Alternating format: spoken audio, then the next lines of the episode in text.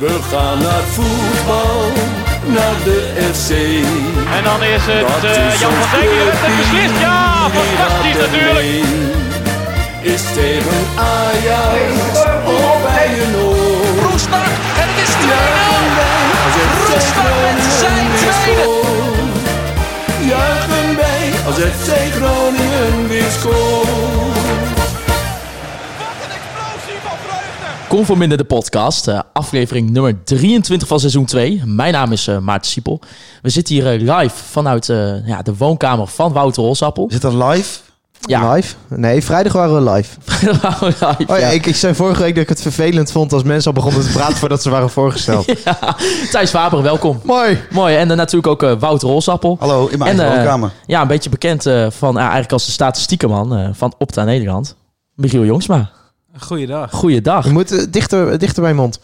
Ga je, Ja, dat, maar- ga je dat erin laten of niet? Dat is de grote vraag. Ja, ze- wij, laten, wij knippen nooit. Wij knippen inderdaad nooit. Nee, we moeten misschien even inderdaad de setting eh, ja, we zitten onderuit gezakt eh, op Ja. de bank. op de bank. Geen eh, microfoon houden, dus we houden lekker de microfoons gewoon eh, in de hand. Ja, En vanuit jouw woonkamer, eh. Ja, we dachten we- we doen het eh, een keer wat op een ontspannen manier. Eh, maar als met planning hè, was het ook makkelijk. Want eh, even voor de mensen, ja, eh, Michiel en ik wonen heel dicht bij elkaar. We gaan niet verklappen waar natuurlijk, want eh, dat zou eh, inbreuk zijn op onze privacy. Dan krijg je allemaal fans aan de deur, dat moet je ook niet willen. Maar het is of, eh, of ops. om de hoek toch? ja. Om de hoek toch? Om de hoek, ja zeker. Maar eh, ja, eh, heb jij ook zo genoten, Michiel, van eh, de live-uitzending van afgelopen vrijdag? Waar je zelf trouwens ook onderdeel van was. Ja, ik vond het wel een heel leuk initiatief. Helemaal omdat er voor het eerst in tijden zo voelde het echt iets te doen was om, eh, om FC Groningen op Transfer Deadline Day. Precies, ja. Want wat, wat misschien voor de mensen ook eh, die het eh, niet hebben gezien. We waren live, eh, ja, eigenlijk via Twitter. Ehm, ja, groot succes Thijs, hè. Op het eind keken 20 man. Ja, het, nou, het was echt geniaal. Ja, op een gegeven moment hadden wij ook echt te veel drank op om nog serieus een, eh, een, een programma te maken. Zeker de man die hier naast Hoezo me zit. kijk jij dan naar mij? Nou, iedereen die jou een beetje kent en dat laatste uur heeft gezien, die heeft wel ge- gezien dat het niet verstandig was om jou nog voor die camera te zetten. Maar eh, op een gegeven moment vond jij het ook heel vervelend dat je de microfoon niet meer van mij kreeg. Ja, het, het heeft een aantal geniale scènes opgeleverd. We hadden op een gegeven moment ook eh, de baron van Schinkenhausen te gast. Zo, dat is zijn bijnaam. Dat is een, eh, een schaker. En die was bij ons te gast. Eh, jij vond jij eerst niks, hè? Nou, ik vond het achteraf heel leuk. Maar Het is toch niet erg om toe te geven dat jij gewoon... Vind jij lastig? nou, ik zat daar fout. Ik, ik dacht, ik wilde nog wel een klein beetje, zeg maar, een ondergrens vasthouden. En om nou iedereen die in dat café rondloopt meteen maar voor de camera te zetten. Maar hij had, terwijl, wel een, eh, terwijl je live streamt. hij had wel een goed verhaal over de oude tijd aan de Oosterpark. Hè? Oh ja, Dat absoluut, is wel leuk om te absoluut. vertellen. Wat hier binnen een straal van nou, 100 meter eh, ongeveer... Vertel je eh, toch waar je woont? Oh ja. ik weet niet of we ooit zo dicht bij het oude Oosterpark hebben opgenomen. Nou, ik denk het niet. Nee, of denk- ooit gaan opnemen. Ik bedoelde natuurlijk een straal van een kilometer. Ja, ja, ja. We hadden natuurlijk wel, eh, eh, we, we gingen dus eigenlijk over de Transfer Deadline Day hebben, de laatste dag. Ehm, maar ja, FC Groningen heeft natuurlijk wel een kans gemist om, eh om Redan te presenteren in eh proeflokaal Hooghout. Hè?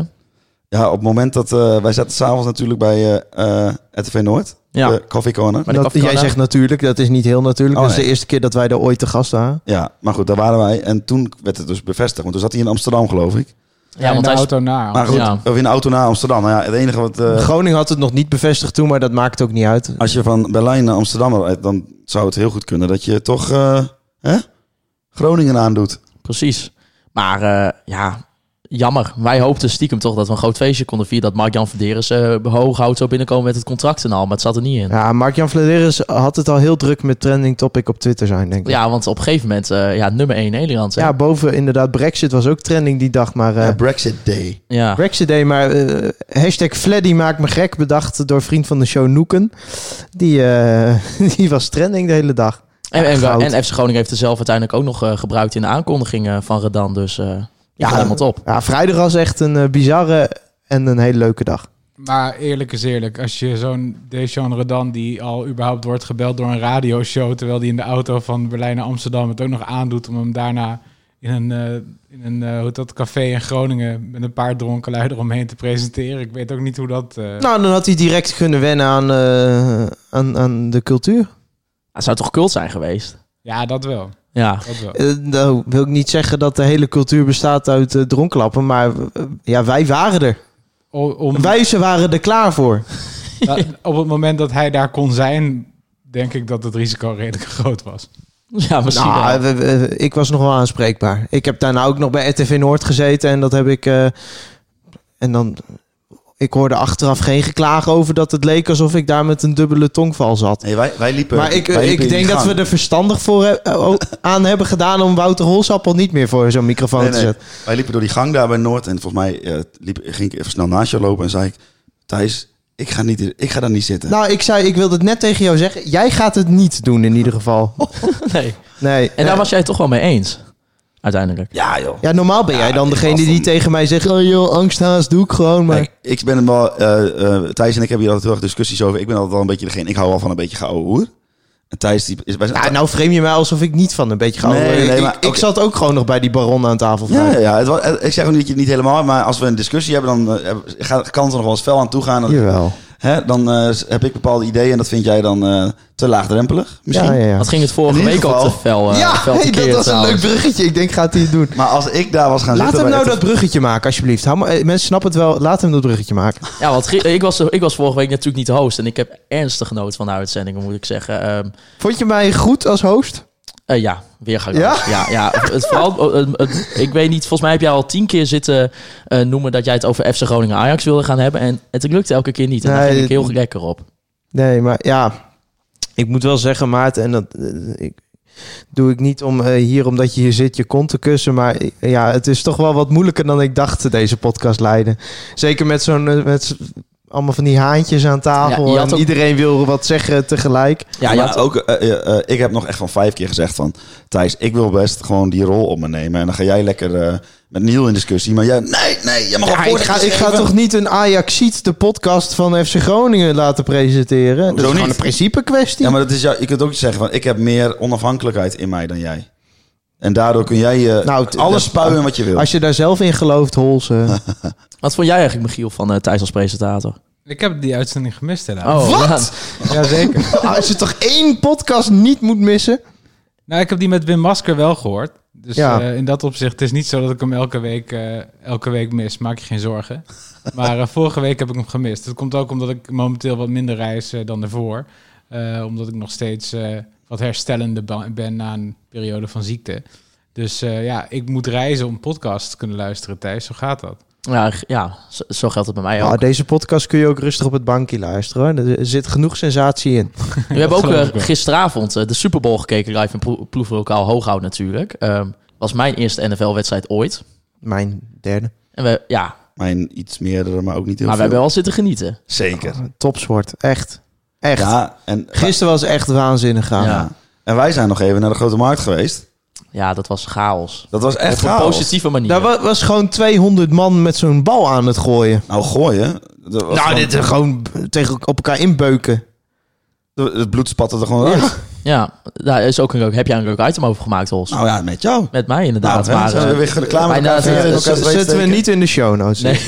Is dit nou een wanhopige manier om over de wedstrijd van zaterdag vooral niet te praten? Nou, Ehm. eh, daar kunnen we heel kort over zijn. En we willen de mensen toch meer dan een kwartier podcast eh, bieden. Dus eh, ja, nou ja, Ja, hè? weet je, we, proberen een beetje, zeg maar, eerst een beetje het, eh, het, het, eh, eh, het luchtige allemaal te bespreken. En dan, eh, ehm, daarna dan gaan we naar de wedstrijd. De zware kost. De zware zeg maar. kost. Omdat, ja, weet je, het, eh, Gro- de wedstrijden van Groningen analyseren, dat is niet altijd eh, leuk. Is, eh, laatste ben jij tijd. er eigenlijk eh, bij geweest, Michiel? Toevallig?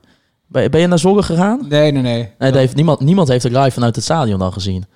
Ik zou zelf zeggen, Hols, jij hebt niks gezien. Dat kunnen we, dan kan je gelijk even eerlijk zijn tegen de mensen. Ik heb eh, één ding gezien en dat was de bal van Slor op de paal. Ja, Nou, eh, fijn dat je ter voorbereiding, fijn dat je je werk als co-host serieus neemt. En in ieder geval even de samenvatting Nou ja, hebt je, we opgezet. zitten hier met vier man. Als jullie het over de wedstrijd gaan hebben, dan hou ik toch gewoon mijn mond. ja want Thijs, jij hebt het in ieder geval wel helemaal live gezien. Ja, Ehm, God hebben mijn ziel. Ja, vorige Ja. week, de- week ervoor wonnen we natuurlijk van Ajax. En ik eh, merkte toch al toch veel negativiteit over dit eh 1-0 verlies. Nou, ik, ik moet zeggen, ik, ik was zelf ook wel vrij cynisch. eh, echt eh, tijdens en vlak na de wedstrijd. Maar ik kan nu al wel wat meer relativeren. Dus iedereen die had gehoopt op een rant van mij vandaag, helaas. Ja, weet je. Het is eh, FC Groningen eigen om dit soort wedstrijden op deze manier te verliezen, denk ik. We hebben ze vaker zo gezien. Fortuna uit bijvoorbeeld. Waar je wel iets meer kansen nog weggaf toen die wedstrijd dan... Ja, je hebt tegen Zwolle eigenlijk weer niks weggegeven. ik ga weer dezelfde nabeschouwing als altijd. Eh, je geeft gewoon heel weinig weg. Ja, en je creëert zelf ook weinig. En ja, je hebt toch gewoon pech dat het met Sloor dan die bal net op de paal, paal valt. Weet je, dan neem je nog een puntje mee. Maar ja, ik weet niet of, of Zwolle nou helemaal verdient die met drie punten stond. Welk gevoel eh, hield jij een beetje over, eh, Michiel, na de wedstrijd? Nou, ik- het is, het, is wel, het is wel een typische wedstrijd voor FC Groningen dit seizoen. En dat, dat is dat als FC Groningen voorkomt, dan wordt er meestal gewonnen. En als FC Groningen achterkomt, wordt er meestal verloren. En dat is een gesprek dat we volgens mij een jaar geleden ook hebben gevoerd. Ja, Want het is heel typerend voor, voor het voetbal dat er onder Danny Buis wordt gespeeld. En als je kijkt naar, naar de wedstrijd tegen PEC Zwolle, ja, je geeft weinig kansen weg. Alleen op het moment dat je, dat je naar voren moet gaan voetballen, gaat nou, tempo is laag. Zwolle zakt in. FC Groningen heeft niet echt het voetballend vermogen om er doorheen te komen. Eh, een jongen als eh Matusiwa bijvoorbeeld, die blijkt op dat moment gewoon niet een hele prettige middenvelder in je ploeg. Terwijl juist tegen Ajax ik hem een van de uitblinkers vond. Eh, en, en het zal misschien ook wel zo zijn dat veel van die jongens wat... Ja, toch, toch nou ja, die de dag ervoor zeg maar nogal intens hadden beleefd. Dat ze misschien niet helemaal scherp waren. Dat, dat weet ik ook niet. Want er was natuurlijk wel heel veel beweging. Niet alleen om Sierhuis. Maar Warmerdam, eh Te Wierik, eh Ja. speelde natuurlijk, eh, speelt natuurlijk een en ander. Misschien heeft dat ook invloed. Maar ja, voetballend was het weinig, eh, weinig positiefs. eh, eigen- eigenlijk Maar ook weinig anders, neem ik aan. Nou, je, je had Ja. gewoon de pech dat, weet je, kijk, Zolle maakt dan op volgens mij een vrij knullige manier de 1-0. Ik vind eh, op zich eh, hoeft Loentvis zich niet zo makkelijk weg te laten zetten bij die eerste paal. Hij kreeg wel inderdaad twee handen in zijn rug, maar op zich had je dat kunnen voorzien. En o- ook Sergio Pat gaat niet 100% vrij uit, denk ik. Ik vind het geen fout of blunder, maar ik had wel op iets meer, zeker met zijn eh, fysiek, iets meer aanwezigheid in de vijf eh, gehoopt. Maar ja, je komt dan op die manier achter. Ja, en dan heeft Zwolle zoiets van, nou Groningen neem het initiatief maar, kijk maar wat je ermee doet. Ja, en dan kom je er toch wel achter dat Groningen gewoon heel veel moeite heeft om dan eh, wel inderdaad tot kansen te komen. Je hebt natuurlijk eigenlijk de grootste kans na Sloor. Sloor kwam een beetje, eh, die kans kwam een beetje vanuit het slotoffensief. Maar de andere kans was Postema, eh, die doorbrak en met links op de keeper schoot. Ja, dat was weer zo'n omschakelmomentje waar Groningen dan inderdaad in, wel gevaarlijk kan worden. En met Postema misschien nog iets makkelijker gevaarlijk kan worden dan met Sierhuis. Maar ja, voor de rest eh, zijn er uitgespeelde aanvallen geweest. Ja, niet echt. Ik las ergens 49 voorzetten, waarvan de 8 aankwamen. ja, ja. Ja, dat is wel gênant. het is aardig veel. Ja, Ja, ja sinds, eh, het waren 32 volgens mij uit, uit open spel. En dat was of 38 geloof ik zelfs. En dat was het meest in een uitwedstrijd eh, sinds 2010, 11, sinds het wordt bijgehouden door ja moet je nagaan. En eh, volgens mij heeft Groningen. 12 corners gehad in totaal. Waarvan er ook geen één gevaarlijk is geworden. Ja, en dan krijg je nog zo'n vrije trap op het eind.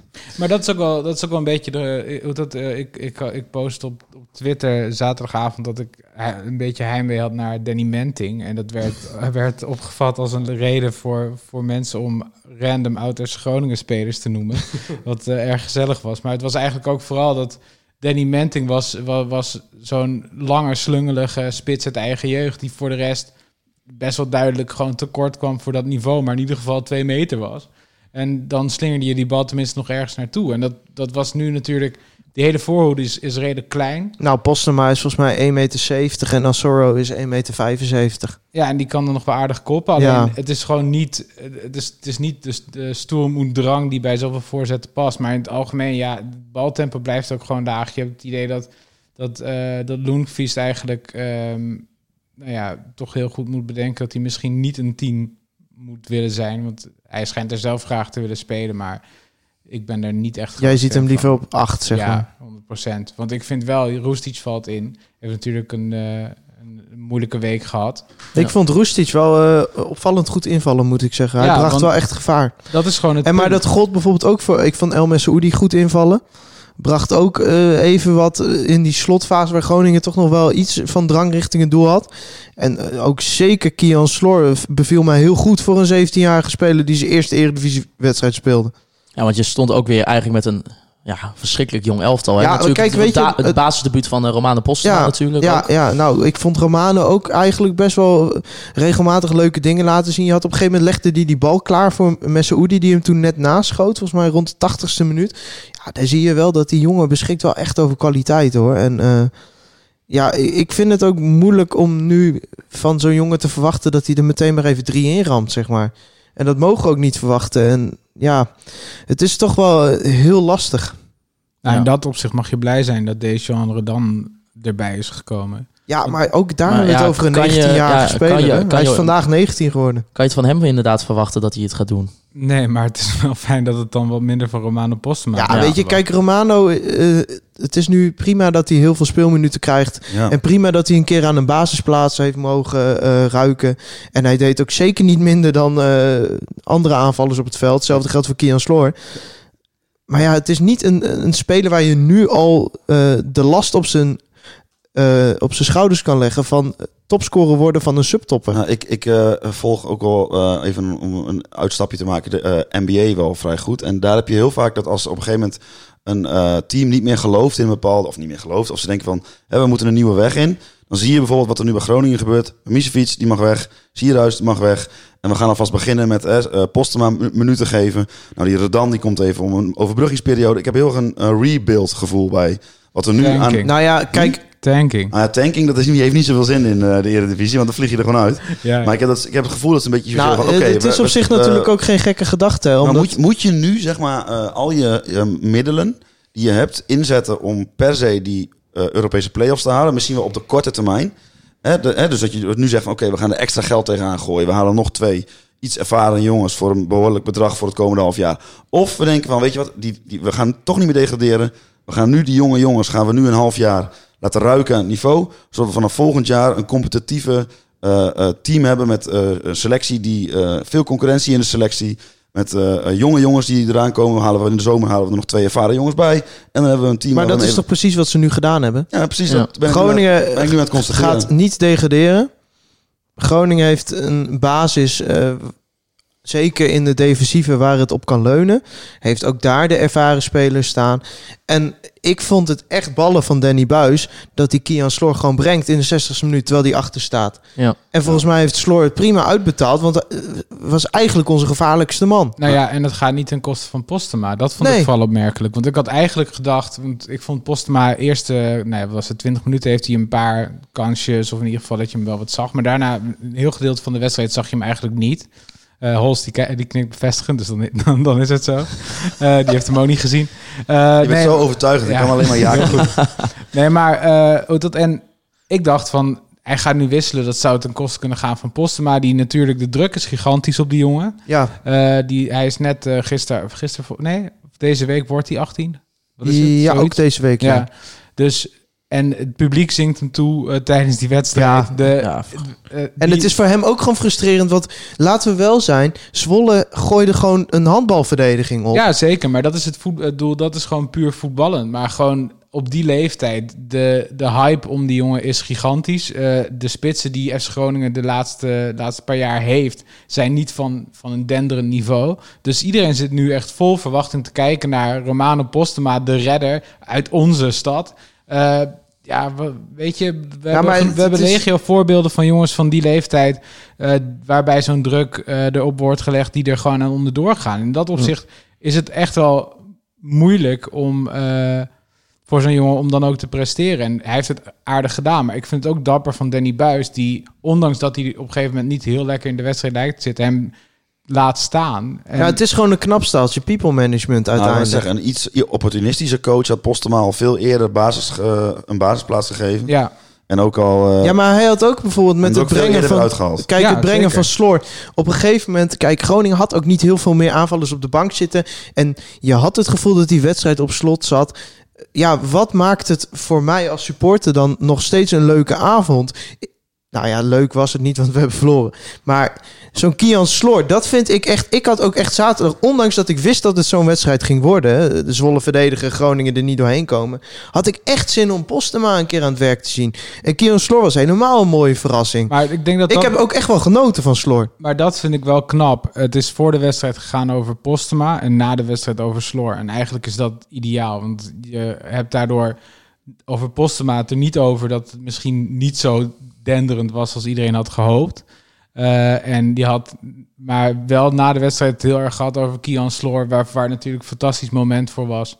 Eh, en in dat opzicht, het, dus als je het contrast vergelijk met vorig jaar. Eh, compleet andere directie natuurlijk. Compleet andere management gewoon qua stijl in de transferperiode. Waar niet werd gekozen voor de lange termijn. En ook, ook terecht, denk ik. Het is wel leuk om te zien dat, dat er nu gewoon door, door eh Flederis en co. ervoor is gekozen om niet, eh, niet zomaar jongens proberen te halen. Helemaal op de laatste dag van de, van de transferperiode. die misschien wel iets toevoegen op de korte termijn. Maar juist het vertrouwen te geven aan de jongens die, die nou ja, het hopelijk in de toekomst voor Groningen gaan doen. En ik denk ook net eh, wat, wat jij zegt ook Thijs. Ja, weet je, de, de basis is zo goed op dit moment dat je kan dit risico ook wel nemen om het, om het voor die lange termijn te gaan en niet per se voor die korte termijn. Nou ja, weet je, kijk, eh, Kian Sloor heeft gewoon echt eh, alleen zaterdag al enorme kilometers gemaakt in zijn ontwikkeling. Om nu in ieder geval aan het hoogste niveau eh, te kunnen hebben ruiken. En ook eens mee te maken hoe is het. En ook omdat Groningen achter stond, er werd van hem echt wel verwacht. Weet je, het is allemaal niet vrijblijvend dat je als aanvaller wordt gebracht.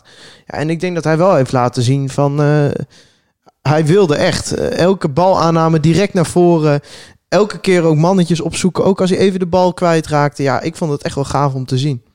En, je, je maar- hebt ook genoten van het interview. Ja, Met want eindelijk, eindelijk weer een speler die in het Gronings dialect spreekt. Ja, hij heeft het wel heel erg. Ja, ik vind, ik vind dat echt gaaf. de Groningse tongval. Ja, ja maar het, tegen eh, Fox hoorde je de tongval. Maar tegen Oog en tegen eh FC Groningen TV wil ik het gewoon als Gronings bestempelen. Ja, en dan, eh, dat- en dan moeten er natuurlijk nog een paar jongens eh, hè, hun debuut maken die eh, Ja. op de deur timmeren. Dus Ja, want Thomas het, het, Soeslof het- scenario wat jij schetste, Michiel, dat kan gewoon in een veelvoud nog gaan, gaan plaatsvinden. Met bijvoorbeeld Soeslof inderdaad. Ja, en eh Paul zat ook op de bank eh, tegen Zwolle. Ja, en je hebt nog van, Joel van Kaam. van ja, Kaam. Joe van Kaam. Ja, Trouwens, en Daniel, van Kaam, hebben we het daar al over gehad. Dat hij Ja, weer goed, was zaterdag. Ja. Ja. Weet ik niet. Ja. Michiel, als jij het zegt, geloof ik het. Ja, hij was goed. ja. Ik zag eh, een, eh, een, een vriend van de show van ons, Elastieke Henkie, die volg ik ook op Twitter tegenwoordig. Die gooide een tweet wereld in. En ik dacht, nou, dat is mooi. Hij zei zelfs, de foutjes van Daniel van Kaam doen me aan Frenkie de Jong denken. Oh. Ah, Ja, Ja. dat Maar vond ik mooi. die- Want die- hij had op een gegeven moment, gleed hij gewoon zeg maar in zijn eigen actie uit. En daardoor raakte hij de bal kwijt. Maar echt het moment daarna deed hij exact hetzelfde weer. En speelde hij zijn man uit. Ja, ik vind het gaaf. Echt leuk om te zien. ja, leuke Terwijl voetballer. hij in zijn hele jeugdopleiding heeft hij gewoon eh, voorin gespeeld. Ja. Terwijl hij nu echt eh, meer in de opbouw betrokken raakt. Nou ja, ik ben ook een groot pleitbezorger altijd voor, eh, voor kijken naar de kwaliteit van de speler en niet zozeer naar, naar de positie. Vorige keer hebben we het gehad over Giuliano van Velzen. Gaan we deze keer Daar is hij doen. weer. Hij speelt Want dat is een de goede voetballer, hè? Dat je... Nee, ik hem helemaal geen goede voetballer, maar hij kan goed dribbelen en dat vind ik leuk. Dus vandaar. Maar dat is bij Van Kaam natuurlijk ook gewoon wel zo. Het is, het is heel, heel prettig als je een jongen hebt die eh, aan de bal dingen durft, een man voorbij kan en hij, hij beweegt gewoon, gewoon soepel over het veld. Je, je ziet ook dat, eh, dat Matusiwa gewoon nou ja, bij een gelijke stand, zeg maar, die, die twee vullen elkaar dan heel erg goed aan. Eh, ik denk wel dat op het moment dat je, dat je achterkomt, dat je aan het blokje van Kamer Matusiwa wat minder hebt. Maar als, als, als begin voor de wedstrijd is, het- is het heel prettig. En, eh, en ook leuk om te zien. En het is sowieso wel interessant. Want, want als je kijkt naar de jeugd van FC Groningen, gewoon over de afgelopen 20, 25 jaar. Ik bedoel, dit is echt compleet uniek. En het feit dat ook de club eh, ervoor kiest om dat soort jongens de kans te blijven geven, is gewoon, gewoon best wel spectaculair. En als je, als je verder gaat denken over wat voor jongens we hier überhaupt in de recent in de opleiding hebben gehad, die hier ook bij hadden kunnen spelen. Heb je Kukcu, heb je nog natuurlijk. Ja. Je hebt Ludovic Reis. Dat zijn allemaal jongens die, eh, die in ieder geval goed gescout zijn op jeugdniveau. Dus in dat opzicht is dat heel bemoedigend voor, eh, voor een club als FC Nou ja, Groningen. Ja, en En je hebt gewoon iemand uit Appingedam op het veld staan. Iemand uit Sappemeer op het veld staan. En iemand uit de stad Groningen op het veld Ja, staan. en eh, Ja. er komt nog een duo uit eh, Zuid-Holland aan. Ja, De, ja, de Satan van Zuidhoorn, zoals Thijs dat ooit heeft genoemd. Remco Balken. Remco Nou, het staat in het dagblad En, van het noorden, dus het is waar. Leon- dat is een bijna. En Leon Miguel, ja, ook uit Zuid-Holland, hè? Ook uit Zuidhoorn inderdaad. ja en Dus, nog eh, even. en We zijn het gewoon een provincie-elftal. Ja, Maar dat zou wel mooi zijn natuurlijk. ja nou, ik, vond, ik was zaterdag al trots. Drie jongens uit de eigen provincie. Ja, en dan haal je er nog twee, Waar zie drie, je dat eh, nog? twee, drie uit het buitenland, eh, waarvan er eentje het haalt. Nou, Wisten jullie trouwens dat, eh, eh, bedacht, dat nou. Daniel van Kamer ook Braziliaanse roots heeft? Nee, wist ik niet. Nee, dat, ja, dat lees ik hier op Transfermarkt, dat wist ik En niet. wist je dat hij ook een broer heeft? Die ook nog bij ons op de bank zat zaterdag. Ja, Joel. Dus, eh, nou Broer ja. of broertje? Broertje. Broertje, hij is Hij is jonger. 17. Joel is jonger. Maar over de jeugdopleiding gesproken. Want eh, jeugdspelers gaan vanaf volgend seizoen eh, ja, geld betalen. Contributie. Contributie bij, eh, bij FC Groningen. En nou ja, dat zou rond de 250 euro zijn. Jij was vrij cynisch. Ja, ik had daar een cynisch tweetje over Want- de lucht in gegooid. Toen ben ik op de scooter gestapt om hierheen te rijden. En toen En- ik aankwam, had ik iemand in mijn WhatsApp-inbox. En die zei... iemand die toevallig bij FC Groningen werkte. En die zei, ik wil wel wat toelichting geven aan ja, jou. Want ik, en ik merk, zei, ja, dat is allemaal prima, maar... eh, want ik, ben, ik, ik merkte aan jou dat jij daar een beetje een kritische blik eh, naar hebt. Dus ik ben wel benieuwd. Eh, we gaan even Bas Kammerga bellen. Ja, dat gaat allemaal even... ja, communicatie bij FC Groningen. Hoofdcommunicatie bij FC Nee, Groningen. niet- want niet die heeft het- hoofdcommunicatie. Huh? Nee. Nee. Gewoon communicatie bij FC Groningen. Ja, Oh. en dit, dat met deze set, en dat kan gewoon, dit is echt... eh, Ja, moet je hem wel opengooien. Ja, ja, ik moet eerst bellen. Oh. Zo. Want eh, die eh, legt het vanmiddag ook uit aan, eh, aan RTV Noord in het artikel van Stefan Breker. Oh, daar gaat hij. Oh, hij doet het gewoon. Jazeker. En dan, eh, ja, Thijs, jij mag hem opnemen, want jij kan hem kritisch benaderen. Bas kan maar gaan. Goedenavond, Bas. Hallo. Kun je ons allemaal een beetje horen? Of ochtend of middag, hè. het is maar net wanneer je luistert. Ja, ja, ja. ja. Maar je kunt ons wel horen dus. Ik kan jullie horen, zeker. Ja, eh, ik had een eh, cynisch tweetje de wereld in geslingerd. En eh, toen ben ik op de scooter gestapt. En toen eh, kwam ik hier aan en toen zag ik eh, wat berichtjes van jou. Jij wilde nog wel wat toelichting geven over... Misschien eerst wel goed om te vertellen. Hoi Bas trouwens, Michiel. Hallo. Jongens, maar hier. Eh, misschien wel goed om toe te lichten wat er precies, eh, wat, Ja. wat er precies gaande is. Ja, jeugdspelers eh, gaan dus vanaf volgend seizoen, eh, als zij in de opleiding van FC Groningen spelen, eh, contributie betalen. Eh, dat Ja. is 250 euro per jaar, geloof ik. Ja. En eh, wanneer zij gebruik maken van vervoer namens de club, betalen zij nog 200 euro per jaar extra. Zeg ik dat zo goed? Dat zeg je helemaal goed. En eh, ja, dat is natuurlijk ook het nieuwswaardige wat je eruit haalt. En als de euro's ergens bij staan, dan is dat ook meteen heel interessant. Maar ja, je moet dat ook in een breder licht zien. Namelijk van de, ja, de herinrichting van, van de opleiding. Dus nou, wellicht is het interessant dat ik dat eventjes, even- eventjes kan toelichten. Nou ja, prima. Ga je gang. Ja, zoals eh, ja, de meeste mensen weten, hebben we op dit moment eh, vijf eh, teams in de opleiding. En dat zullen er volgend jaar zes worden. En nou, nu is de, de, de club, of in ieder geval de, de afdeling opleiding van de club aan de gang gegaan met, met de begroting voor het volgende seizoen. En zowel in het huidige seizoen als in het volgende seizoen staat er een begroting van 1,6 miljoen euro voor de opleiding. En je kunt al een klein beetje uitrekenen, als je daar één team extra eh, bij in wil eh, vlechten, eh, ja, dan moet je, moet je keuzes maken.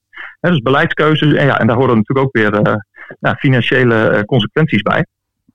Ja, en En, die verhaalt de club dan eigenlijk op de jeugdspelers? Want het levert in totaal 25.000 euro per jaar op, geloof ik, hè? Als je, dat, als je het omrekent, is dat het getal. Ja, en eh, ik moet wel hè, benadrukken dat het een, eh, een, bijdrage is in de eh, kosten die wij maken voor, voor spelers. Want je moet weten dat er ongeveer 100 eh, spelers op dit moment in onze opleiding actief zijn. En nou, het totaalplaatje is dus eh, 1,6 miljoen. Dus je kunt ook uitrekenen dat nou ja, wij per jaar hè, gemiddeld zo'n 16.000 euro in een speler investeren. En dit is al met de spelers besproken. Ook las ik in het artikel van RTV Noord. Hoe werd daarop gereageerd? Nou, eh, niet direct met, eh, met de spelers zelf, hè, want eh, we hebben het hier uiteraard over, ja, over kinderen hè, die, die nog geen, geen 18 zijn. Dus we hebben in dit geval de ouders uitgenodigd. En die zijn vorige week maandag in dinsdagavond nou, in grote getalen bij, bij de informatiebijeenkomsten aanwezig geweest. En daar heeft hoofdopleiding eh, Peter Jeltema ja, het hele brede verhaal uitgelegd. Het was echt een, echt een presentatie van, van een half uur, waarin nou eigenlijk alle keuzes die er gemaakt zijn, zijn toegelicht. Nou, en uiteindelijk eh, kwam natuurlijk eh, de, de eh, konijn uit de hoge hoed, of de aap uit de mouw, hoe je het maar wil, wil zeggen. En ik, ik moet eerlijk zeggen, ik was bij een van die beide bijeenkomsten, nou ja, dat er ja, ook wel, be- ja, met name wel begrip bij de ouders was. Ja, en Maar goed, zijn er dan ook andere clubs in Nederland die dit doen? Ja, oh ja, zeker. Hè? Want nou, Peter Jeltema is natuurlijk ook vanwege zijn, zijn eerdere functie eh, binnen de KNVB eh, goed op de hoogte van, eh, van het hele landschap in, van alle BVO-opleidingen. Dat zijn er in totaal eh, 29 eh, in Nederland. En ja, Groningen is zeker niet de eerste die, die, met deze, ja, die deze keuze heeft gemaakt. En, en op dit moment, hè, want ja, de, herinrichting van die opleidingen, dat is een wat breder verhaal. Hè. De, de landelijke competities die worden anders ingedeeld. Er komt een onder 21 competitie en uh, onder 18, onder 16. Zo moet je het een beetje bekijken. Uh, daardoor komen eigenlijk alle clubs nou ja, voor, voor dit soort keuzes te staan. En zullen er ook ja, zeker nog meer, meer clubs gaan volgen. Die, die deze, ja, die deze dit besluit nemen. Dus men is niet bang dat dit gaat resulteren in dat kinderen die voor een keuze komen te staan om financiële redenen niet voor Groningen kiezen, maar bijvoorbeeld voor Herenveen of voor Emmen of Heracles? Nee, nou, dat, dat effect verwachten, wij, verwachten wij zeker niet. Hè. Het, is nu, uh, ja, het is nu nieuws hè, en op een gegeven moment is dit gewoon onderdeel van het beleid. Hè, want dit zullen we de komende jaren zo doorvoeren. wat wel gezegd moet worden, hè, ook een groot aandachtspunt, is natuurlijk voor nou, eventueel ouders die niet in staat zijn om, om, om dergelijke bedragen te betalen. daarvan, ook die opmerking hebben wij hebben we gekregen. Die hebben ook al in die presentaties toegelicht. Daarvoor zijn in Nederland gelukkig ook uh, ja, fondsen en subsidies uh, ja, voor minder uh, draagkrachtige ouders. En ja, daar zullen we ze ehm, duidelijk hè, op wijzen. En we hopen ook dat ja, mensen die, die nou ja, het, het niet draagkrachtig genoeg zijn, dat die zich ook, ook melden bij, bij de club. Zullen we voor iedereen, voor alle jongens die er op dit moment in de opleiding zitten en ook die er elk jaar weer instromen, ja, dat we die nou, daarin kunnen helpen. Uh, nou, Bas Kammerga, uh, dank je wel. Ik denk dat het ons duidelijk is. Hadden jullie nog vragen? Nee, gewoon een heel duidelijk verhaal volgens mij van Bas, hè? Ja. Nou, uh, goed, goed, hartelijk goed. dank en nog een fijne avond, Bas. Ja, hartstikke bedankt. Oké, okay, hoi. Hoi, hoi. Hoi. Ja, want uh, Thijs, waarom keek je eigenlijk in eerste instantie een beetje cynisch naar het, uh, naar het bericht? Nou, om heel eerlijk te zijn, wist ik niet dat dit bestond. Uh, dat inderdaad jeugdspelers bij een BVO ook ehm, contributie betalen. Ja, ik weet niet. In mijn hoofd gaat het een beetje fout bij het feit dat er dan bij een club een eerste elftal is waar spelers uh, tonnen krijgen betaald om in een eerste elftal te spelen. En dat dan zeg maar uh, jongens daaronder geld toe moeten betalen om het shirt van Groningen te mogen dragen. Zo zit ik er een beetje in. Maar op zich, ik snap het verhaal wel. Maar ik vraag me dan af, uh, moet je dat geld inderdaad bij die jongens weg gaan halen? Terwijl uiteindelijk heeft een club toch ook heel veel baat bij die spelers die in de jeugd spelen. Dat is een beetje het dubio waar ik in zat. Ja, ja. terwijl ik denk, ja, als het dan inderdaad over 25.000 euro gaat, denk ik van, moet je dan inderdaad uh, 100 uh, kinderen gaan, nou ja, duperen, uh, zeg maar. Nou, zij hebben de last van 250 euro, is voor sommige, voor veel gezinnen gewoon veel geld per jaar. Moet je dat dan daar vandaan gaan halen, die 25.000 euro? Ja, ik begrijp. Maar ja, wat, wat Bas zo net ook zegt, dat het op zich uh, financieel gezien niet echt een probleem moet zijn, gezien er ook, uh, ja, mochten de ouders het niet kunnen ja, betalen. subsidies en fondsen inderdaad. En in principe zou je dan ook zeggen dat elke amateurvereniging in Nederland ook gratis zou moeten zijn. Ja. Maar uh, ja, ik vind het dan zeg maar, weet je, Itakura bijvoorbeeld, die krijgt dan een buiten EU-salaris. Nou, dat is uh, dik 4,5 ton. Ja, weet je, met drie weken Itakura heb je een heel jaar dan wat je nu aan die kinderen verdient. Maar dat is denk ik altijd een beetje moeilijk bij dit soort dingen. Je weet hoe, hoe voetbalclubs zijn opgebouwd, zeg maar, van, van oorsprong. Uh, is, is heel erg vanuit een spelerselectie. En op een gegeven moment wordt zo'n organisatie professioneler en komt er steeds meer uh, geld bij, steeds meer neventaken. En het is sowieso bij een voetbalclub af en toe eh, wonderbaarlijk waar wel geld is, voor is en waar niet geld voor is. Het verhaal wat, wat Bas vertelt is gewoon, gewoon duidelijk. En waarom dat, waar dat geld uh, anders vandaan had moeten komen, dat weet je natuurlijk ook niet. Dus dat blijft altijd lastig. En ik vind wel, uh, tuurlijk, je kan een speler, je kan een speler met uh, eh, 25.000 euro per jaar minder toelaten doen. Maar als je kijkt in de algemene trend van hoe Gudde en Flederis de club nu neerzetten, vind ik dit niet heel vreemd, zeg maar. Nee, ja, weet je, kijk, uh, het geld moet inderdaad ergens vandaan komen. Maar ik stel dan, en ik snap het verhaal helemaal. En ik zet er gewoon mijn vraagtekens bij van, is dit waar je het vandaan moet halen? Ik moet trouwens die vergelijking met Itakura die ik net maakte. Volgens mij is Itakura nog onder de 21. Nee, dat sowieso niet. Oké, okay, dus die krijgt wel het volledige buiten EU-salaris. Um, ik weet niet precies hoe dat voor, voor volgens mij onder de overeenkomst. Volgens mij als zit. iemand onder de 21 is, dan is het de helft van wat het volledig is. Hij is 23. Dan krijgt hij gewoon netjes buiten EU-salaris. Ja, maar hij zit, Maar het is, het is natuurlijk ook wel gewoon zo'n zo'n zo'n bijdrage. Kijk, als jij spelers naar je club probeert te krijgen en, en je wil daar graag een, een bepaalde, uh, je wil ook dat, dat de ouders en de familie en zo erachter staat dan, neemt, dan werpt het ook wel een bepaalde barrière op. En ik weet niet eens of dat per se zo verkeerd is. Want je zorgt in ieder geval dat het een gesprek wordt en dat er ook een kostenplaatje bij hoort. In plaats van dat, wat je normaal gesproken altijd ziet, dat, dat mensen denken van nou oké, een BVO staat op de stoep, het wordt compleet gepamperd, we doen er alles aan, dit en dat. Nee, dat is uiteindelijk, is natuurlijk spelen in de jeugd FC Groningen niet per se heel erg veel anders. Ja, maar wat is nou de grootste bedreiging voor de opleiding van FC Groningen? Dat is dat het, het talentjes al op vroege leeftijd door een van de grotere clubs, eh, recentelijk is dat vooral Ajax die dat veel doet, worden weggeplukt. I- i- Brengt het Ajax niet in een betere concurrentiepositie omdat zij geen contributie hanteren?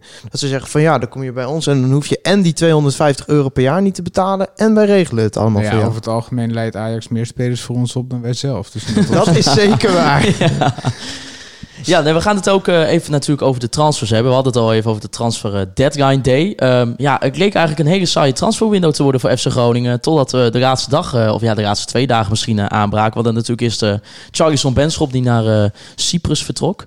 Ehm, maar ja, toen brak de laatste dag los. En te beginnen natuurlijk met uh, Jannik Pol, wiens contract uh, werd ontbonden. Nou, volgens mij zat hij nog dezelfde dag, uh, tekende hij een contract bij, bij, A- Horsens, bij ja. HC Horsens, de nummer 10 van Denemarken. Mijn Deens is niet zo goed, maar ik kon ook zo voor de plaatselijke dartsvereniging hebben getekend als je die foto zag. Maar Maar eh, We hebben Ja. die foto van eh Ma- Mimoun Mahi van vorig jaar niet gezien bij Zurich. oh, die heb ik gemist. ja, die stond met Arma op de foto. En die is overleden. Ja, precies. Maar eh, ja, Jannik Pol, eh, nou ja, Mark-Jan Verderen zei het zelf. eh, soms is er sprake van een mismatch tussen een club en een speler. Nou, ik denk Dat is een het understatement, ja. is. Ja. Ja, ja, ik had de jongen het zo graag gegund, maar het is gewoon niet zo'n hele goede voetballer. Nee, ja, we mo- we moeten natuurlijk wel zeggen, eh, daar was je ook bij, Michiel.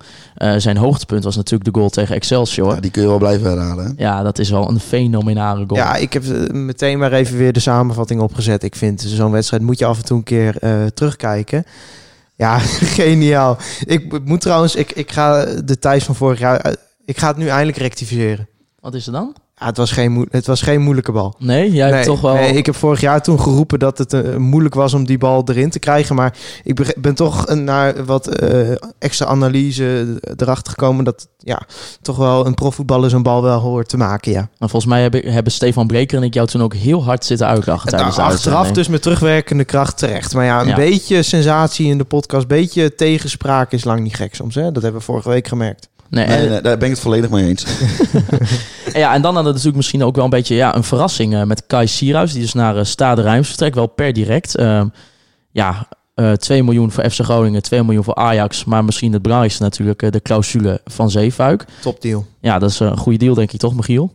Ja, ik was, als je, ik, goed, weet je, ik bedoel, ik, ik wou zeggen rekenen is niet mijn sterkste kant, maar dat, dat ben ik wel goed in gelukkig, gezien mijn werk ook.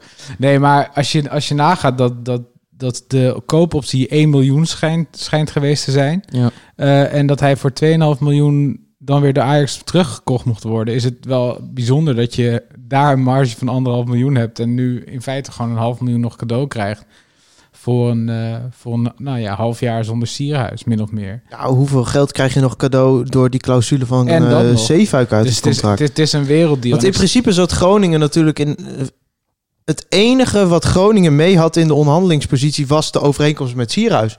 Dat zij recht hadden op Sierhuis tot het einde van dit seizoen. Voor de rest had Groningen geen poten om op te staan.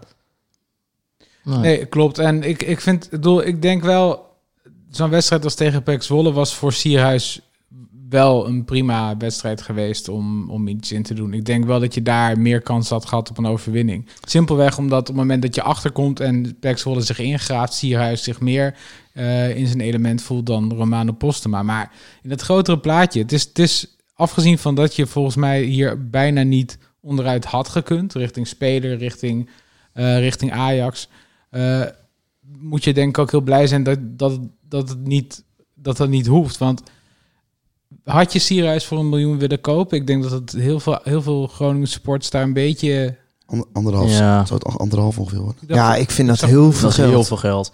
En moet je Ik nagaan, had het niet hij- gedaan. Hij gaat gewoon voor 4 miljoen weg. Hè? Dat is wel echt veel Ik vind geld voor Kai anderhalf miljoen toen ik dat hoorde, dacht ik wel, die hadden we denk ik niet eens gekocht. Nee. En nu hou je er toch wel 2 miljoen aan Ik over. zag één staan. Ja, dat zal. Ja, zelfs een miljoen Ja. vind ik nog wel fors. Het zou daar ergens het zal tussen de an- een en Maar, maar anderhalf ke- zijn. kennelijk denkt men in Frankrijk daar anders over, want die hebben er gewoon 4 miljoen Ja. voor op tafel Nou, en gelegd. helemaal als je bedenkt van je krijgt hem, je krijgt hem maar niet echt helemaal goed fit. Nee. Eh, tegen Ajax was het ook al na 40 minuten voor mijn gevoel een beetje op. En dan doet hij wel veel, maar ja goed, er zijn ook andere spelers die, die heel veel doen in zo'n wedstrijd. En die, die raken niet binnen 40, 50 Wat je hem op. niet kan verwijten is dat hij niet alles eraan gedaan heeft om het tot een Ja, succes is- te brengen in Het is ook een Groningen. topvent. En het Nou. is een ontzettend sympathieke gozer. Hoe weet je dat eigenlijk? Nou, ik jij- heb hem zelf nooit persoonlijk gesproken, Nee, ik wou maar zeggen, ik jij heb... ziet- je kunt hem niet ontzeggen dat hij eh, tijdens de 90 minuten alles eraan doet. Maar jij hebt natuurlijk helemaal geen idee wat die jongen buiten het veld allemaal doet. Behalve heel veel FIFA spelen. Ja. Dus ja, eh, Ja, want nou ja, daar hebben vind ik een stevige uitspraak. Ik snap dat je hem maakt, omdat hij nou eenmaal zo oogt. hè. Het- Zo'n jongen die gewoon keihard eh, ervoor werkt in het veld. Ik zeg ook niet dat het niet zo is. Ik zeg niet dat hij er niet voor geleefd heeft. Maar je kunt dat niet zomaar zeggen dat hij er alles aan gedaan heeft. Want dat weet je Ja, niet. het is, het, is, het is natuurlijk ook, eh, je hebt helemaal niks om over te klagen. Omdat je, eh, hij heeft zijn best gedaan. Hij heeft een, nog een belangrijk doelpunt hier en daar gemaakt. En hij heeft 2 miljoen opgeleverd en bijna niks gekost in het hele proces. Dus er valt ook niet zoveel negatiefs over om te zeggen. Maar ik, heb ook wel, ik heb ook wel het gevoel van, eh, ja, door ook, ook altijd maar het verhaal over, ja goed, bij een club als Groningen krijg je minder kansen. Daar werk ik op een gegeven moment wel een beetje... Moe van. Ja, Ja, maar is het niet wel waar? Nou ja, bij Jong Ajax schoot hij ze er ook niet aan de lopende band in. En Zivkovic wel. Terwijl iedereen altijd tot tegenwoordig roept van Zivko's moet je niet eh, moet je op de counter gebruiken. En Sierhuis moet je... Dus ja, wat, wat is... Is dit een wat, sneer naar mij, Michiel Jongsma? Want ik Nee, zei dat bij. Noord... eh, Nee, nee, dat is geen sneer naar jou. Maar dat is wel een beetje wat, wat, wat de algemene indruk vaak van dat soort spelers is. Terwijl ik denk van, nou ja, bekijk de beelden van Zivkovic bij Jong Ajax. Die schoot er, weet ik veel, 30 in of zo, in, in 40, 50 potjes. En was echt wel een klasse beter in Jong Ajax dan Kai Sierhuis daar is geweest. En bij FC Groningen, Kai Sierhuis werkt hard, eh, maar uiteindelijk is, is er ook heel vaak gewoon net niets van terecht gekomen. Heeft best wel wat kansen, vind ik, eh, om zeep geholpen ook. Dat je denkt van ja, goed, een echt gewoon een koelbloedige spits, die, die is hier gemakkelijker. In ieder geval tussen de palen. Precies. Ja. Ja, hij is eh, Nou aan de bal. met- hij is aan de bal niet zo goed. Nee, Hij is, Nee. Het is geen dribbelaar. eh, Nee. Hij is de- niet balvast. Het is geen aanspeelpunt. Nee. En Het dat is, is- geen geweldige pasen. Hoewel hij ziet het meestal wel, maar hij kan het dan niet uitvoeren. Nou ja, en voor, voordat dit een één grote Kai Sierhuis bash show gaat worden, het is nu Kijk, makkelijk. Hij is nu weg. Hè? Nu Het mag is, het. het, is, het is natuurlijk, je ziet wel dat er iets in zit, alleen het is er niet echt uitgekomen. En Nee. in dat opzicht. eh, Zal het dat- wel bij een andere club eruit komen. Dus. Ja, misschien Nou ja, wel. wat ik zeg, eh, je kunt hem niet verwijten dat hij in het veld er niet alles aan heeft gedaan om zoveel mogelijk Ja. te scoren. Maar ja, o- of het nou gaat of, of heeft hij genoeg Maar kansen zo- gekregen. Maar het, het is niet de spits waar we op gehoopt hadden. Ja, weet je, je, je, je- je ziet altijd in je hoofd, eh, dit slaat helemaal nergens op natuurlijk. En jij gaat me ook meteen boos worden op mij thuis. Ik ga er alvast even goed voor zitten, Ja, als je, ik heb die laatste drie wedstrijden, die goals van die Haaland gezien bij Dortmund. Als je kijkt Ja, met- laten we maar- die halen. Maar als je kijkt met wat voor intensiteit die zijn loopacties inzet. En eh, zeg maar... Ja, Maar niet eens alleen in de in- intensiteit, maar gewoon puur hoe hij verdedigers gewoon af. Gaan we nou echt Kai Sierhuis nou in... Nee, in- maar, in- maar even. even Hij- ik vind nou, wel dat Kai, zeg maar, wat, wat van die... eh, Volgens mij twee, jaar, twee weken geleden zei je we moeten als Liverpool gaan spelen. Nee, dat was Vandaag zeg je dat we Haaland moeten halen. Dat was Wim ik vind wel dat jij de open deurtjes makkelijk intrapt. eh. ik Nee, Liverpool, Liverpool ideeën. was Nou, inderdaad Wim Masker. Dan moet ik even je corrigeren trouwens. Maar, maar Duld jij eh, geen tegengeluid, Thij- Thijs? als, je, als je dat doortrekt naar, naar FC Groningen en naar, naar hoe, we, hoe we nu verder moeten als club, zeg maar.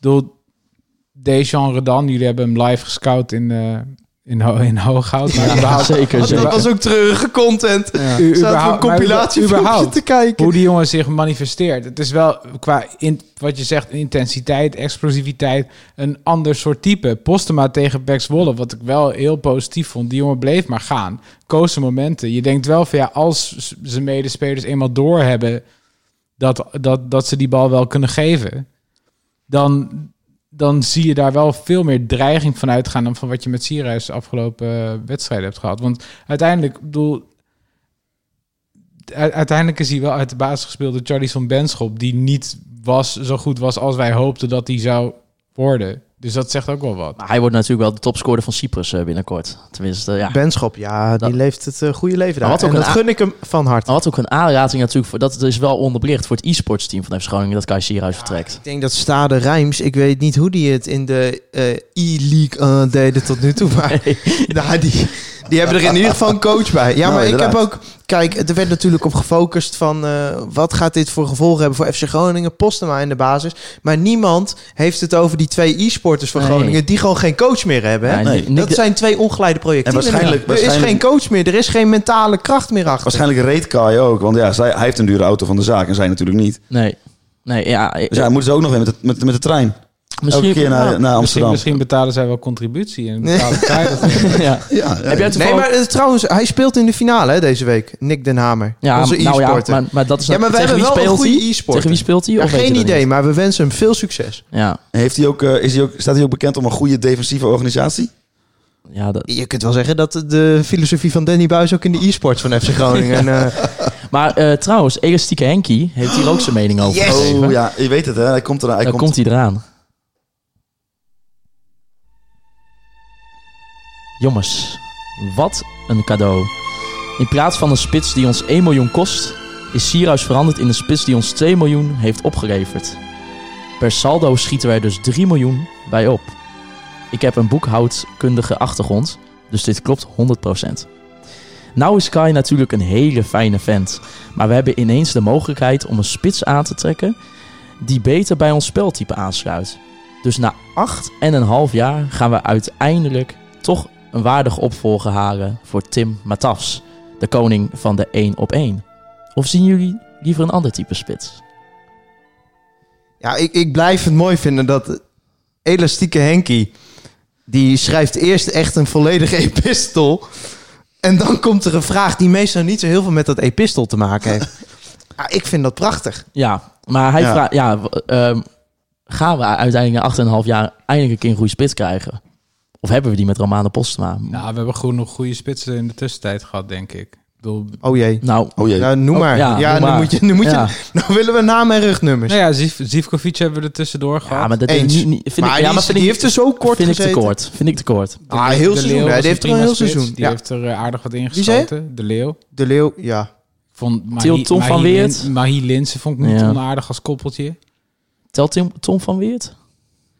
Die Nou, toch ja, ook goed. wel... Ik, ik, ik, ik ben, ik ben, dat, eh, ik ben op iets gestuurd van sch- schokkende, schokkende content.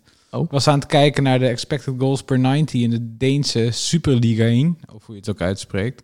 En daar stond eh, vanaf een bepaald aantal minuten stond eh ene Tom van Weert bovenaan. Oh, Dus eh, in dat opzicht. Ja, maar daar hebben we ook een topspits voor teruggekregen toen we die weg. Jannik Pol stond in die lijstjes nooit bovenaan, kan ik, eh, kan ik bevestigen. Dus, eh, Ja, weet je, met Tom van Weert, mensen weten wel van mij, ik was geen groot Tom van Weert fan. Dat is gewoon niet mijn type spits.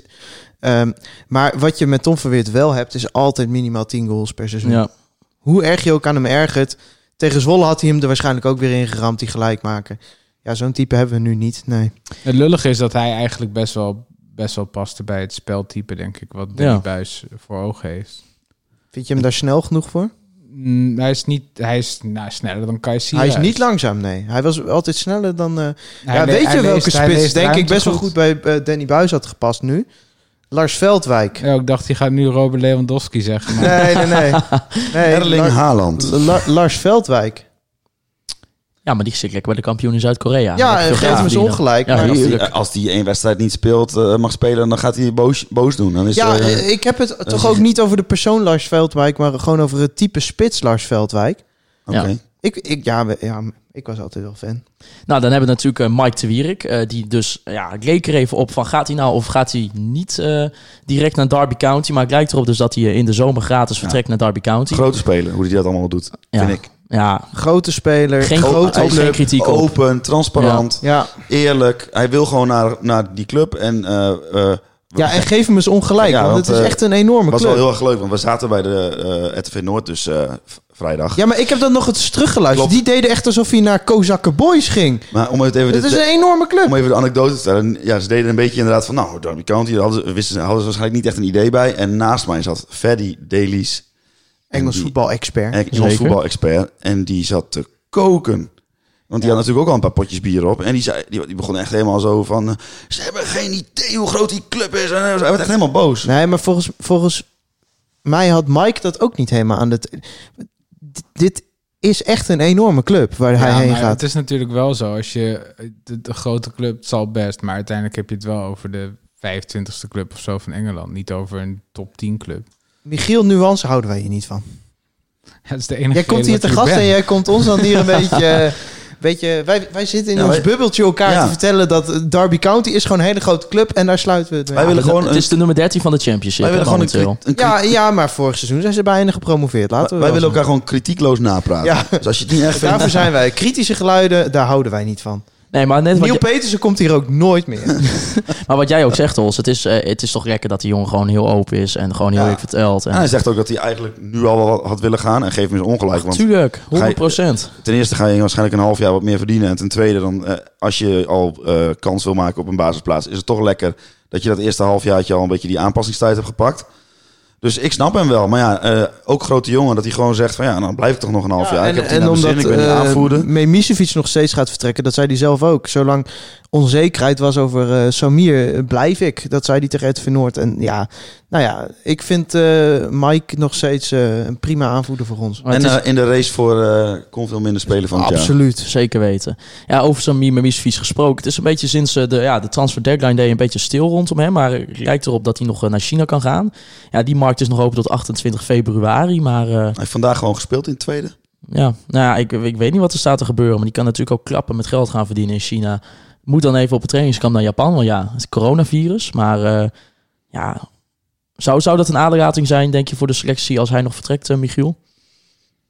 Nou ja, we hebben natuurlijk al langer zonder Mimicevic gespeeld dan, eh, dan ons lief is dit seizoen. dus in dat opzicht. En dat is ook goed gegaan. En ja, ik, ik ben zelf wel heel gecharmeerd van hem. Ik vind het ook ergens jammer dat hij naar China gaat. En ook opmerkelijk dat een club als AZ, die ooit geïnteresseerd was, niet, niet daar alsnog werk van heeft gemaakt. Want die staan gewoon doodleuk nog met Ron Vlaar. Op 35 jaar is hij nu, geloof ik, eh, achterin. Nee, geen eh, fout wordt over Ron Vlaar. hè? Nou ja, laat ik het zo zeggen. Die, die houdt het geen vijf jaar meer vol daar. Hoop Nee. ik voor AZ en voor hemzelf. Nee, maar ook. snap je de gedachte er niet achter dat Memisevic natuurlijk aan de bal niet geweldig is? Dat AZ graag met voetballende verdedigers speelt. Jawel, maar dat Maar dan hoeft- volgens dat wel hoeft niet. Ramon Leeuw inhalen inderdaad. Nou ja, om maar een voorbeeld te noemen. Die voetballend ook niet super slecht is. Maar Ramon Leeuwin is wel typisch een speler dat die zelfs eh, op een gegeven moment onder Ten Hag eh, nog in de baas stond bij Utrecht. En op het moment dat de tegenstander wat beter werd, dan zag je wel in één keer wat. eh, Ja, niks te nadelen aan Ram- Nee. Ramon Leeuwin. Maar ik denk dat Samir Memisevic Ja. beter is. dat Prima. denk ik ook. Prima Eredivisie clubspeler die uh, Daarom. Ja, en dat Django Warmer dan, eh, dat werd nou, nog eh, eigenlijk eind van de middag bekend. Dat het eindelijk rond is met FC Utrecht, dat hij daar een meerjarig eh, contract tekent. Ja, zat er ook al aan te komen. Hè? Ja, en toch baal ik er wel van. Maar dat is een beetje met eh, de, de, een beetje in de waan van nu, zeg maar. Omdat ik wel vind dat hij al een aantal weken goed speelt. Ik vond hem tegen Zwolle ook weer goed. Ik niet. Ik vond Nee? Peck niet goed. Nee. Maar dat is ook een beetje, beetje lastig. En in dat opzicht, je zou hier, een, eh, je zou hier uren over kunnen gaan filosoferen. Bedoel, wat, wat wil je überhaupt... eh, Wat wil je als club? Wat wil je qua speelstijl? Wat wil je qua technisch beleid? Ik bedoel, tegen Pek Zwolle, ja, op het moment dat er dan... eh, de creativiteit wordt toch snel gevraagd van Warmerdam en Zeefuik. Ja, Ja, creativiteit is niet wat Warmerdam en Zeefuik je geven. Nou. Veel power en veel loopvermogen, dat wel. want ik zat die, die, had die passing map had je van 11 tegen 11. Dan zag je dus dat alle spelers stonden in het centrum. En er waren dus twee spelers die, zouden, die, zijn alleen maar aan de zijkant geweest. Dat zijn Warmerdam en Zeefuik. En dan zijn dat net de spelers die ik eigenlijk... Ja, die zou ik niet in het aanvallende gedeelte heel veel aan de bal willen hebben. En zeker niet daar, want ja, wat hebben ze daar te zoeken? Gaan ze hoge voorzetten geven? Dat hebben we gezien. Ik, ik heb dan de wedstrijd tegen PEC niet gezien, maar ik zie het al wat meer wedstrijden. Dat heel veel tegenstanders, die laten gewoon Zeefuik en Warmerdam eh, aan de bal aan de, aan de flank. Omdat er toch geen gevaar uitkomt. Nee, Dus ik en het is van, ja, eigenlijk ook de enige diepgang die Groningen Ik, ik heeft. vind Warmerdam niet slecht, maar ik vind hem wel voor een linksback van FC Groningen vind ik hem de ondergrens. Ondergrens. Ja, als je, ik vind dat je wel, je ambities mogen wel dat je een betere linksback hebt dan Warmerdam. Nou, Nou, moet, ben ik het niet mee eens. je Ik moet vind wel Groningen zeggen- echt een meer dan prima ik moet wel zeggen, hij heeft mij toch wel po- enigszins positief verrast. Want eh, toen hij hier kwam, toen, volgens mij, ik vond hem in die eerste paar wedstrijden goed. En daarna kakte het ook wel echt in. Ja, maar en dan werd hij op linksmidden Ja, maar jij zegt ondergrens. onder- Ik vind een type Absalem, dat vind ik meer een ik bedoel ook de ondergrens van wat goed genoeg is. Snap je wat ik bedoel? Hoezo? Dus- het is toch voor elke eredivisieclub zo warmer dan een, zeg maar, elke subtop middenmoot zou Warmerdam prima zijn. Nou, ik denk, niet, ik denk dat je dat Nou, die- het is, ik, ben, ik ben het wel met, met, met, met, eh met Hols eens dat als je gaat kijken naar, naar het niveau hoger zeg maar, dan Groningen. Dus dan kijk je denk ik meest naar een club als AZ. We, bedoel, de, de, de ambitie voor ons is denk ik niet Utrecht of Vitesse worden. AZ is een mooi model en Ja. met goede spelers. Kijk, die hebben er twee rondlopen, die zijn natuurlijk wel een klasse beter. Wijndal en Ouwejan. Ja. Ja. Ja, maar dat is ook andere orde. Ja, zeker. En, en het grootste verschil vind ik niet eens verdedigend. Het grootste verschil zit hem aanvallend. Die zijn aanvallend veel beter. en eh, ook, die kunnen alles. Die kunnen niet alleen buitenom en een voorzet ja, geven. precies. En, en Warmerdam is inderdaad redelijk eendimensionaal. En het is de, die dimensie die hij heeft, die is, die is wel fantastisch. Want hij is verschrikkelijk snel en heel sterk. En eh, ik vond hem tegen Ajax een van de uitblinkers. Ja, alleen, dan- alleen je moet dan gaan voetballen tegen, tegen PEC. En dan denk je van ja, hmm, misschien hebben we hier een ander type nodig. Ja, als, als, als het zeg maar, dat zie je misschien wel een beetje, als het een beetje rennen en vliegen wordt voor Groningen, dan Ja. zijn de spelers als Zeefuik en Warmerdam, Ja, dus die schieten er meteen bovenuit. Zeker. En als het, als het eh, nou, hè, de handbalverdediging wordt, heb je er gewoon eigenlijk geen ene zak aan. Nou ja, en Zeefuik heeft, en dat vind ik wel een heel groot verschil tussen die twee ook. Zeefuik is verdedigend, zeg maar, gewoon nog echt drie klassen beter. Want Ja. zijn positionering is echt bijzonder goed. En die van Warmerdam is best wel belabberd. Alleen die loopt gewoon heel veel gewoon, gewoon dicht, omdat hij dat, dat kan. En eh, nou ja, goed, tegen Pek Zwolle was dat met Zeefuik ook zo. Op een gegeven moment werd er eh, gewoon numeriek gezien risico genomen door FC Groningen. En stond Zeefuik daar met Van Hintem en soms de Wierik, als die niet iets verder naar voren stond, eh, achterin een beetje de boel dicht te houden. En Zeefuik, die, die had ei- eigenlijk was het gewoon de opstelling van negen man op de helft van de tegenstander. En dan Zeefuik, zeg maar, die dat hele, hele veld gewoon voor de rest in zijn eentje wist af te dichten. Eh, en Warmerdam, die- ja goed, die, die loopt op een gegeven moment gewoon verloren bij. Wat hadden jullie eh, mentaal gedaan als Dennis Johnson in FC Groningen speelde? Jullie uitlachen. Ja, dat is niet best.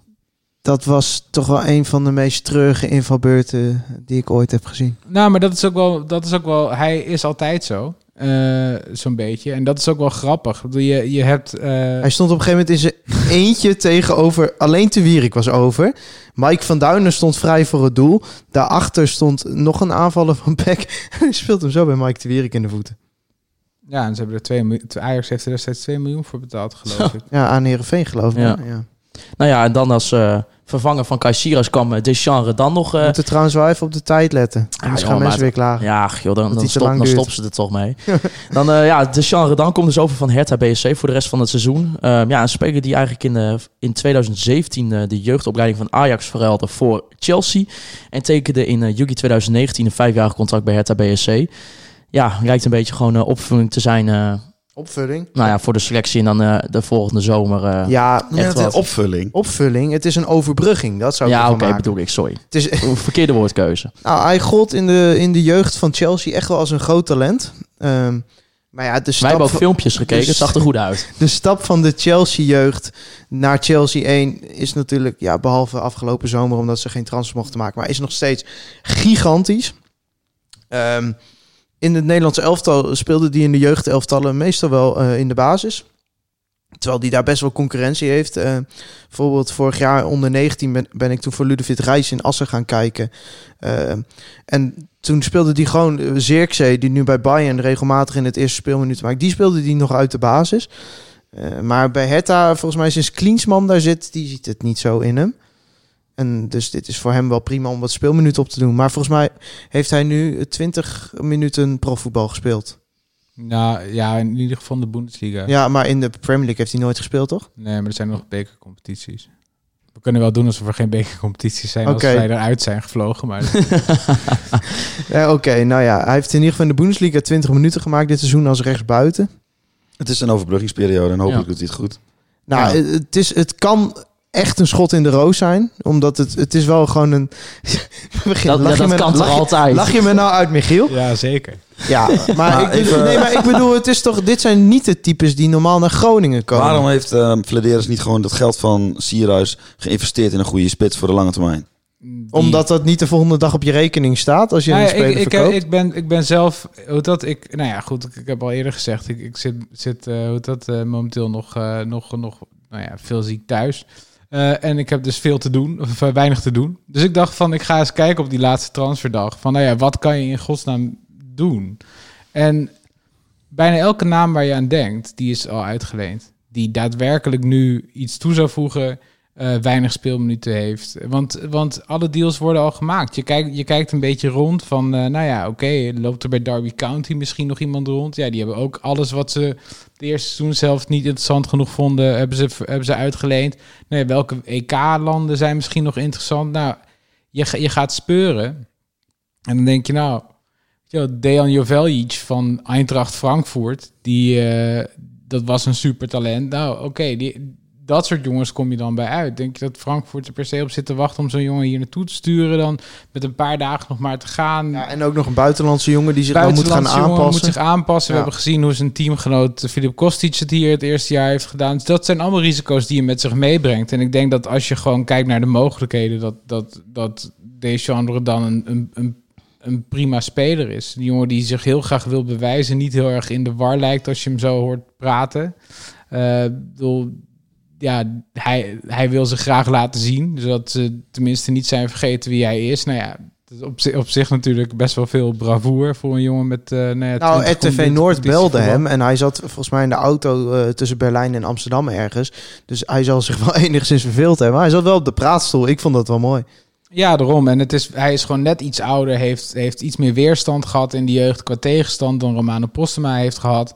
En in dat opzicht, stel je voor dat Romano Postema hem nou uit de basis haalt. Ja, dan heb je misschien wel een jongen die daar die een paar maanden eh, het niet heel erg leuk heeft gehad Ja, in zou hij niet samen met, als, met Zou Romano nog in de kunnen. spits kunnen? Zou kunnen, maar Het is nou niet zeggen alsof als Sorrow al weken spel laat zien waarvan je zou zeggen, nou die hou je er nooit meer uit. Wel Nee, proven, Thijs. Ja, wel in de Premier League gespeeld. Maar het is wel zo met Azor dat ik denk van ja, ik kan bijna elke wedstrijd toch wel weer vier, vijf momenten herinneren dat je, dat je, dat je ziet van oké, de momenten dat we gevaarlijk zijn geweest is Azor erbij betrokken.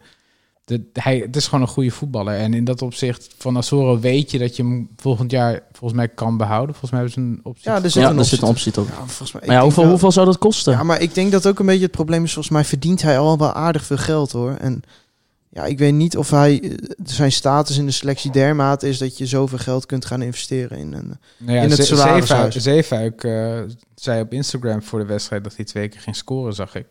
Dus Ja, als, als, maar zo. als we daardoor Zee- Deo tevreden kunnen houden. Ja, goed. Zo is het ook alweer.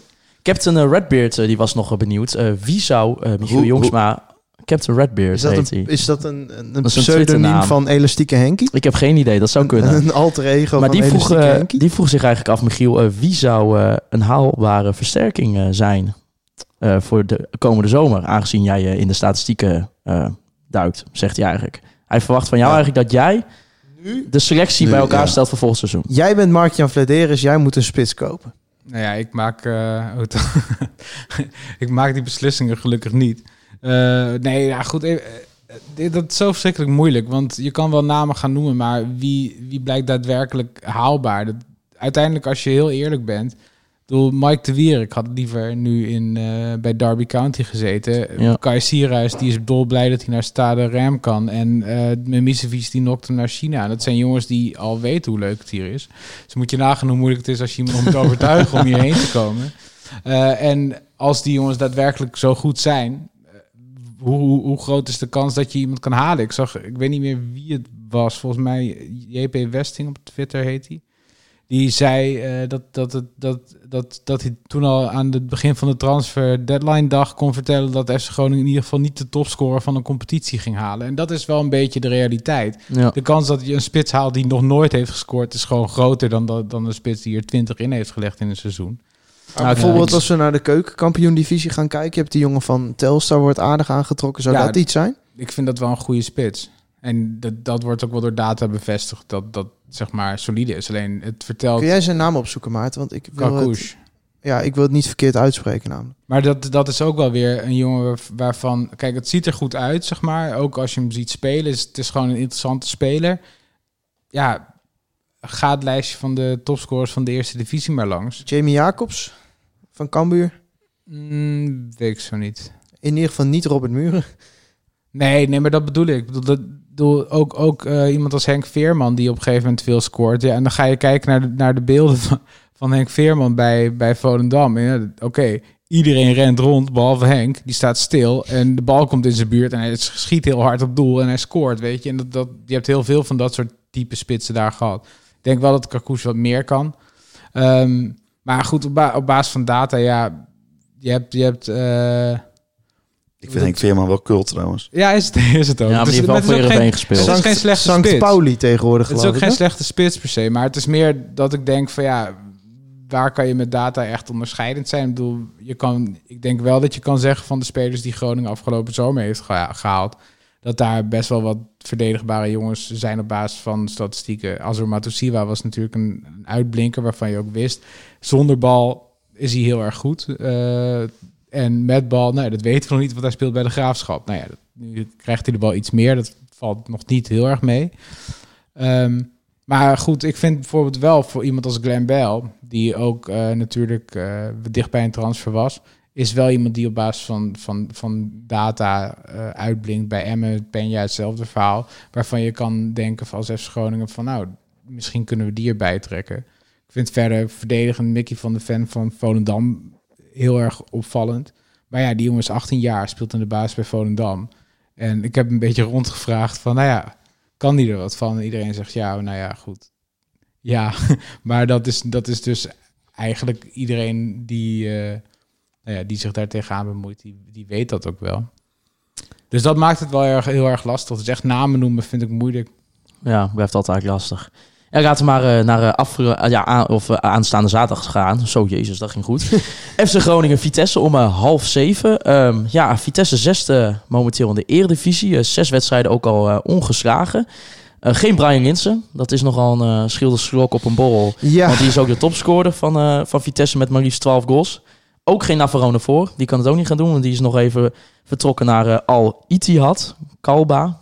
In de Verenigde Arabische Emiraten. Al waar hij samen gaat spelen met bijvoorbeeld Ballas Djudjak. Is er oh, over legendes gesproken van de Eredivisie. Unibet eh, had toen redelijk een lage quotering op dat Ballas Juice naar Groningen zou komen. Ik weet niet meer waar dat vandaan kwam. Nee, ultiem, maar het zou wel ultieme cult eh, toen zijn geweest. Maar dat zat er natuurlijk niet in. Ja, en eh, ja, eerder dit seizoen wonnen we met twee van Vitesse. Met natuurlijk uh, twee doelpunt van uh, Joel Asoro, Prem Proven.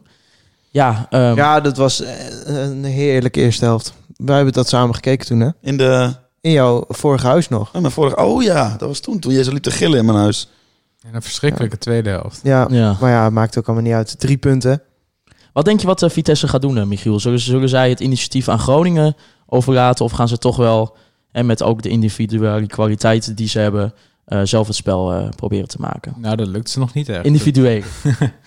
nee, de Vitesse heeft gewoon een, echt niet een ploeg om het spel te maken. Uh, dus dat zullen ze nu al helemaal niet doen. Dus ik verwacht Het wordt weer een verschrikkelijke wedstrijd. Dat, dus Vitesse gaat winnen, ja. Nou, er zijn nog kaartjes voor de wedstrijd te krijgen. Kaartverkoop.fcgroningen.nl Ik ben er dit keer gewoon wel. Oké, okay, gezellig. O, op, op de Noordtribune? Of, nee, nee, ik moet uh, uh, Daniel Telen vervangen. Oeh, jij mag interviews oh? doen. Ja, ik moet uh, een artikeltje maken voor de site en ik moet wat spelers interviewen na de wedstrijd. Je mag de spelers vragen wat de trainer zei in de rust, zeg maar. Maar ja. wat, wat ik wel interessant vind, bedoel, je, hebt kom, je hebt nu wel weer de keuze van ga je met Redan spelen, ga je ja. Postema laten staan, uh, geef je Kian Sloor nu, nu vanaf de start de kans, lijkt me sterk. Ik vind het wel een fascinerend gedachte-experiment om gewoon de aanval van onder 19 onder 19 te zetten. en, je hebt toch niks te verliezen, ja, je En Soeslof die het spel erachter verdeelt, waarom ja. niet? Ik bedoel, je, je, je weet in ieder geval dat die jongens samen een aanval kunnen opzetten. Ah, ik geloof, Goedmondson schijnt weer richting fit te gaan. Ja, ik geloof het zelf ja, eigenlijk je, ook je niet. Weet, maar je weet ook al, dat ik, gaat één wedstrijd duren. Ja. Ik deed het altijd in voetbalmanager. En dan deed ik altijd, als ik al wist dat ik kampioen werd, dan haalde ik allemaal baasspelers uit. Zet ik allemaal jeugdspelers in. Dan, dan, hè, dan kregen ze meer ervaring. maar wisten wij al dat wij kampioen waren? Zijn wij al kampioen? Nee, maar je bent al veilig. En je gaat tot die Europese play-offs ga je toch... Ja, dat wordt... Oh, oh, oh, oh, wacht, dat, wacht, wacht, wacht, wacht. Ik zou dat als eikpunt van volgend dat, jaar dat, dat is gewoon wel, wel echt gewoon, vind ik heel fascinerend. Dat je gewoon, altijd is het, is het gegaan over, we moeten play-offs halen. Dat is de ambitie die we als club hebben. Het heeft, heeft best wel veel financiële problemen opgeleverd. Ook veel gokjes zijn er gewaagd, buitenkansjes, noem maar op. Uh, om, om toch maar die top 8 zeg maar, te halen. TV-gelden speelt natuurlijk een rol momenteel lijkt, lijkt, uh, lijkt Gudde gewoon heel erg erop gefocust om die club gewoon gezond te maken. En ervoor te zorgen dat je een sluitende begroting hebt. En ik ben wel heel benieuwd, want uiteindelijk, als je heel eerlijk bent, we hadden het over scouting. En eh, de jongens die je, die je kan halen, die misschien uit gaan blinken, ja, dan kom je toch waarschijnlijk snel op eigen jeugd.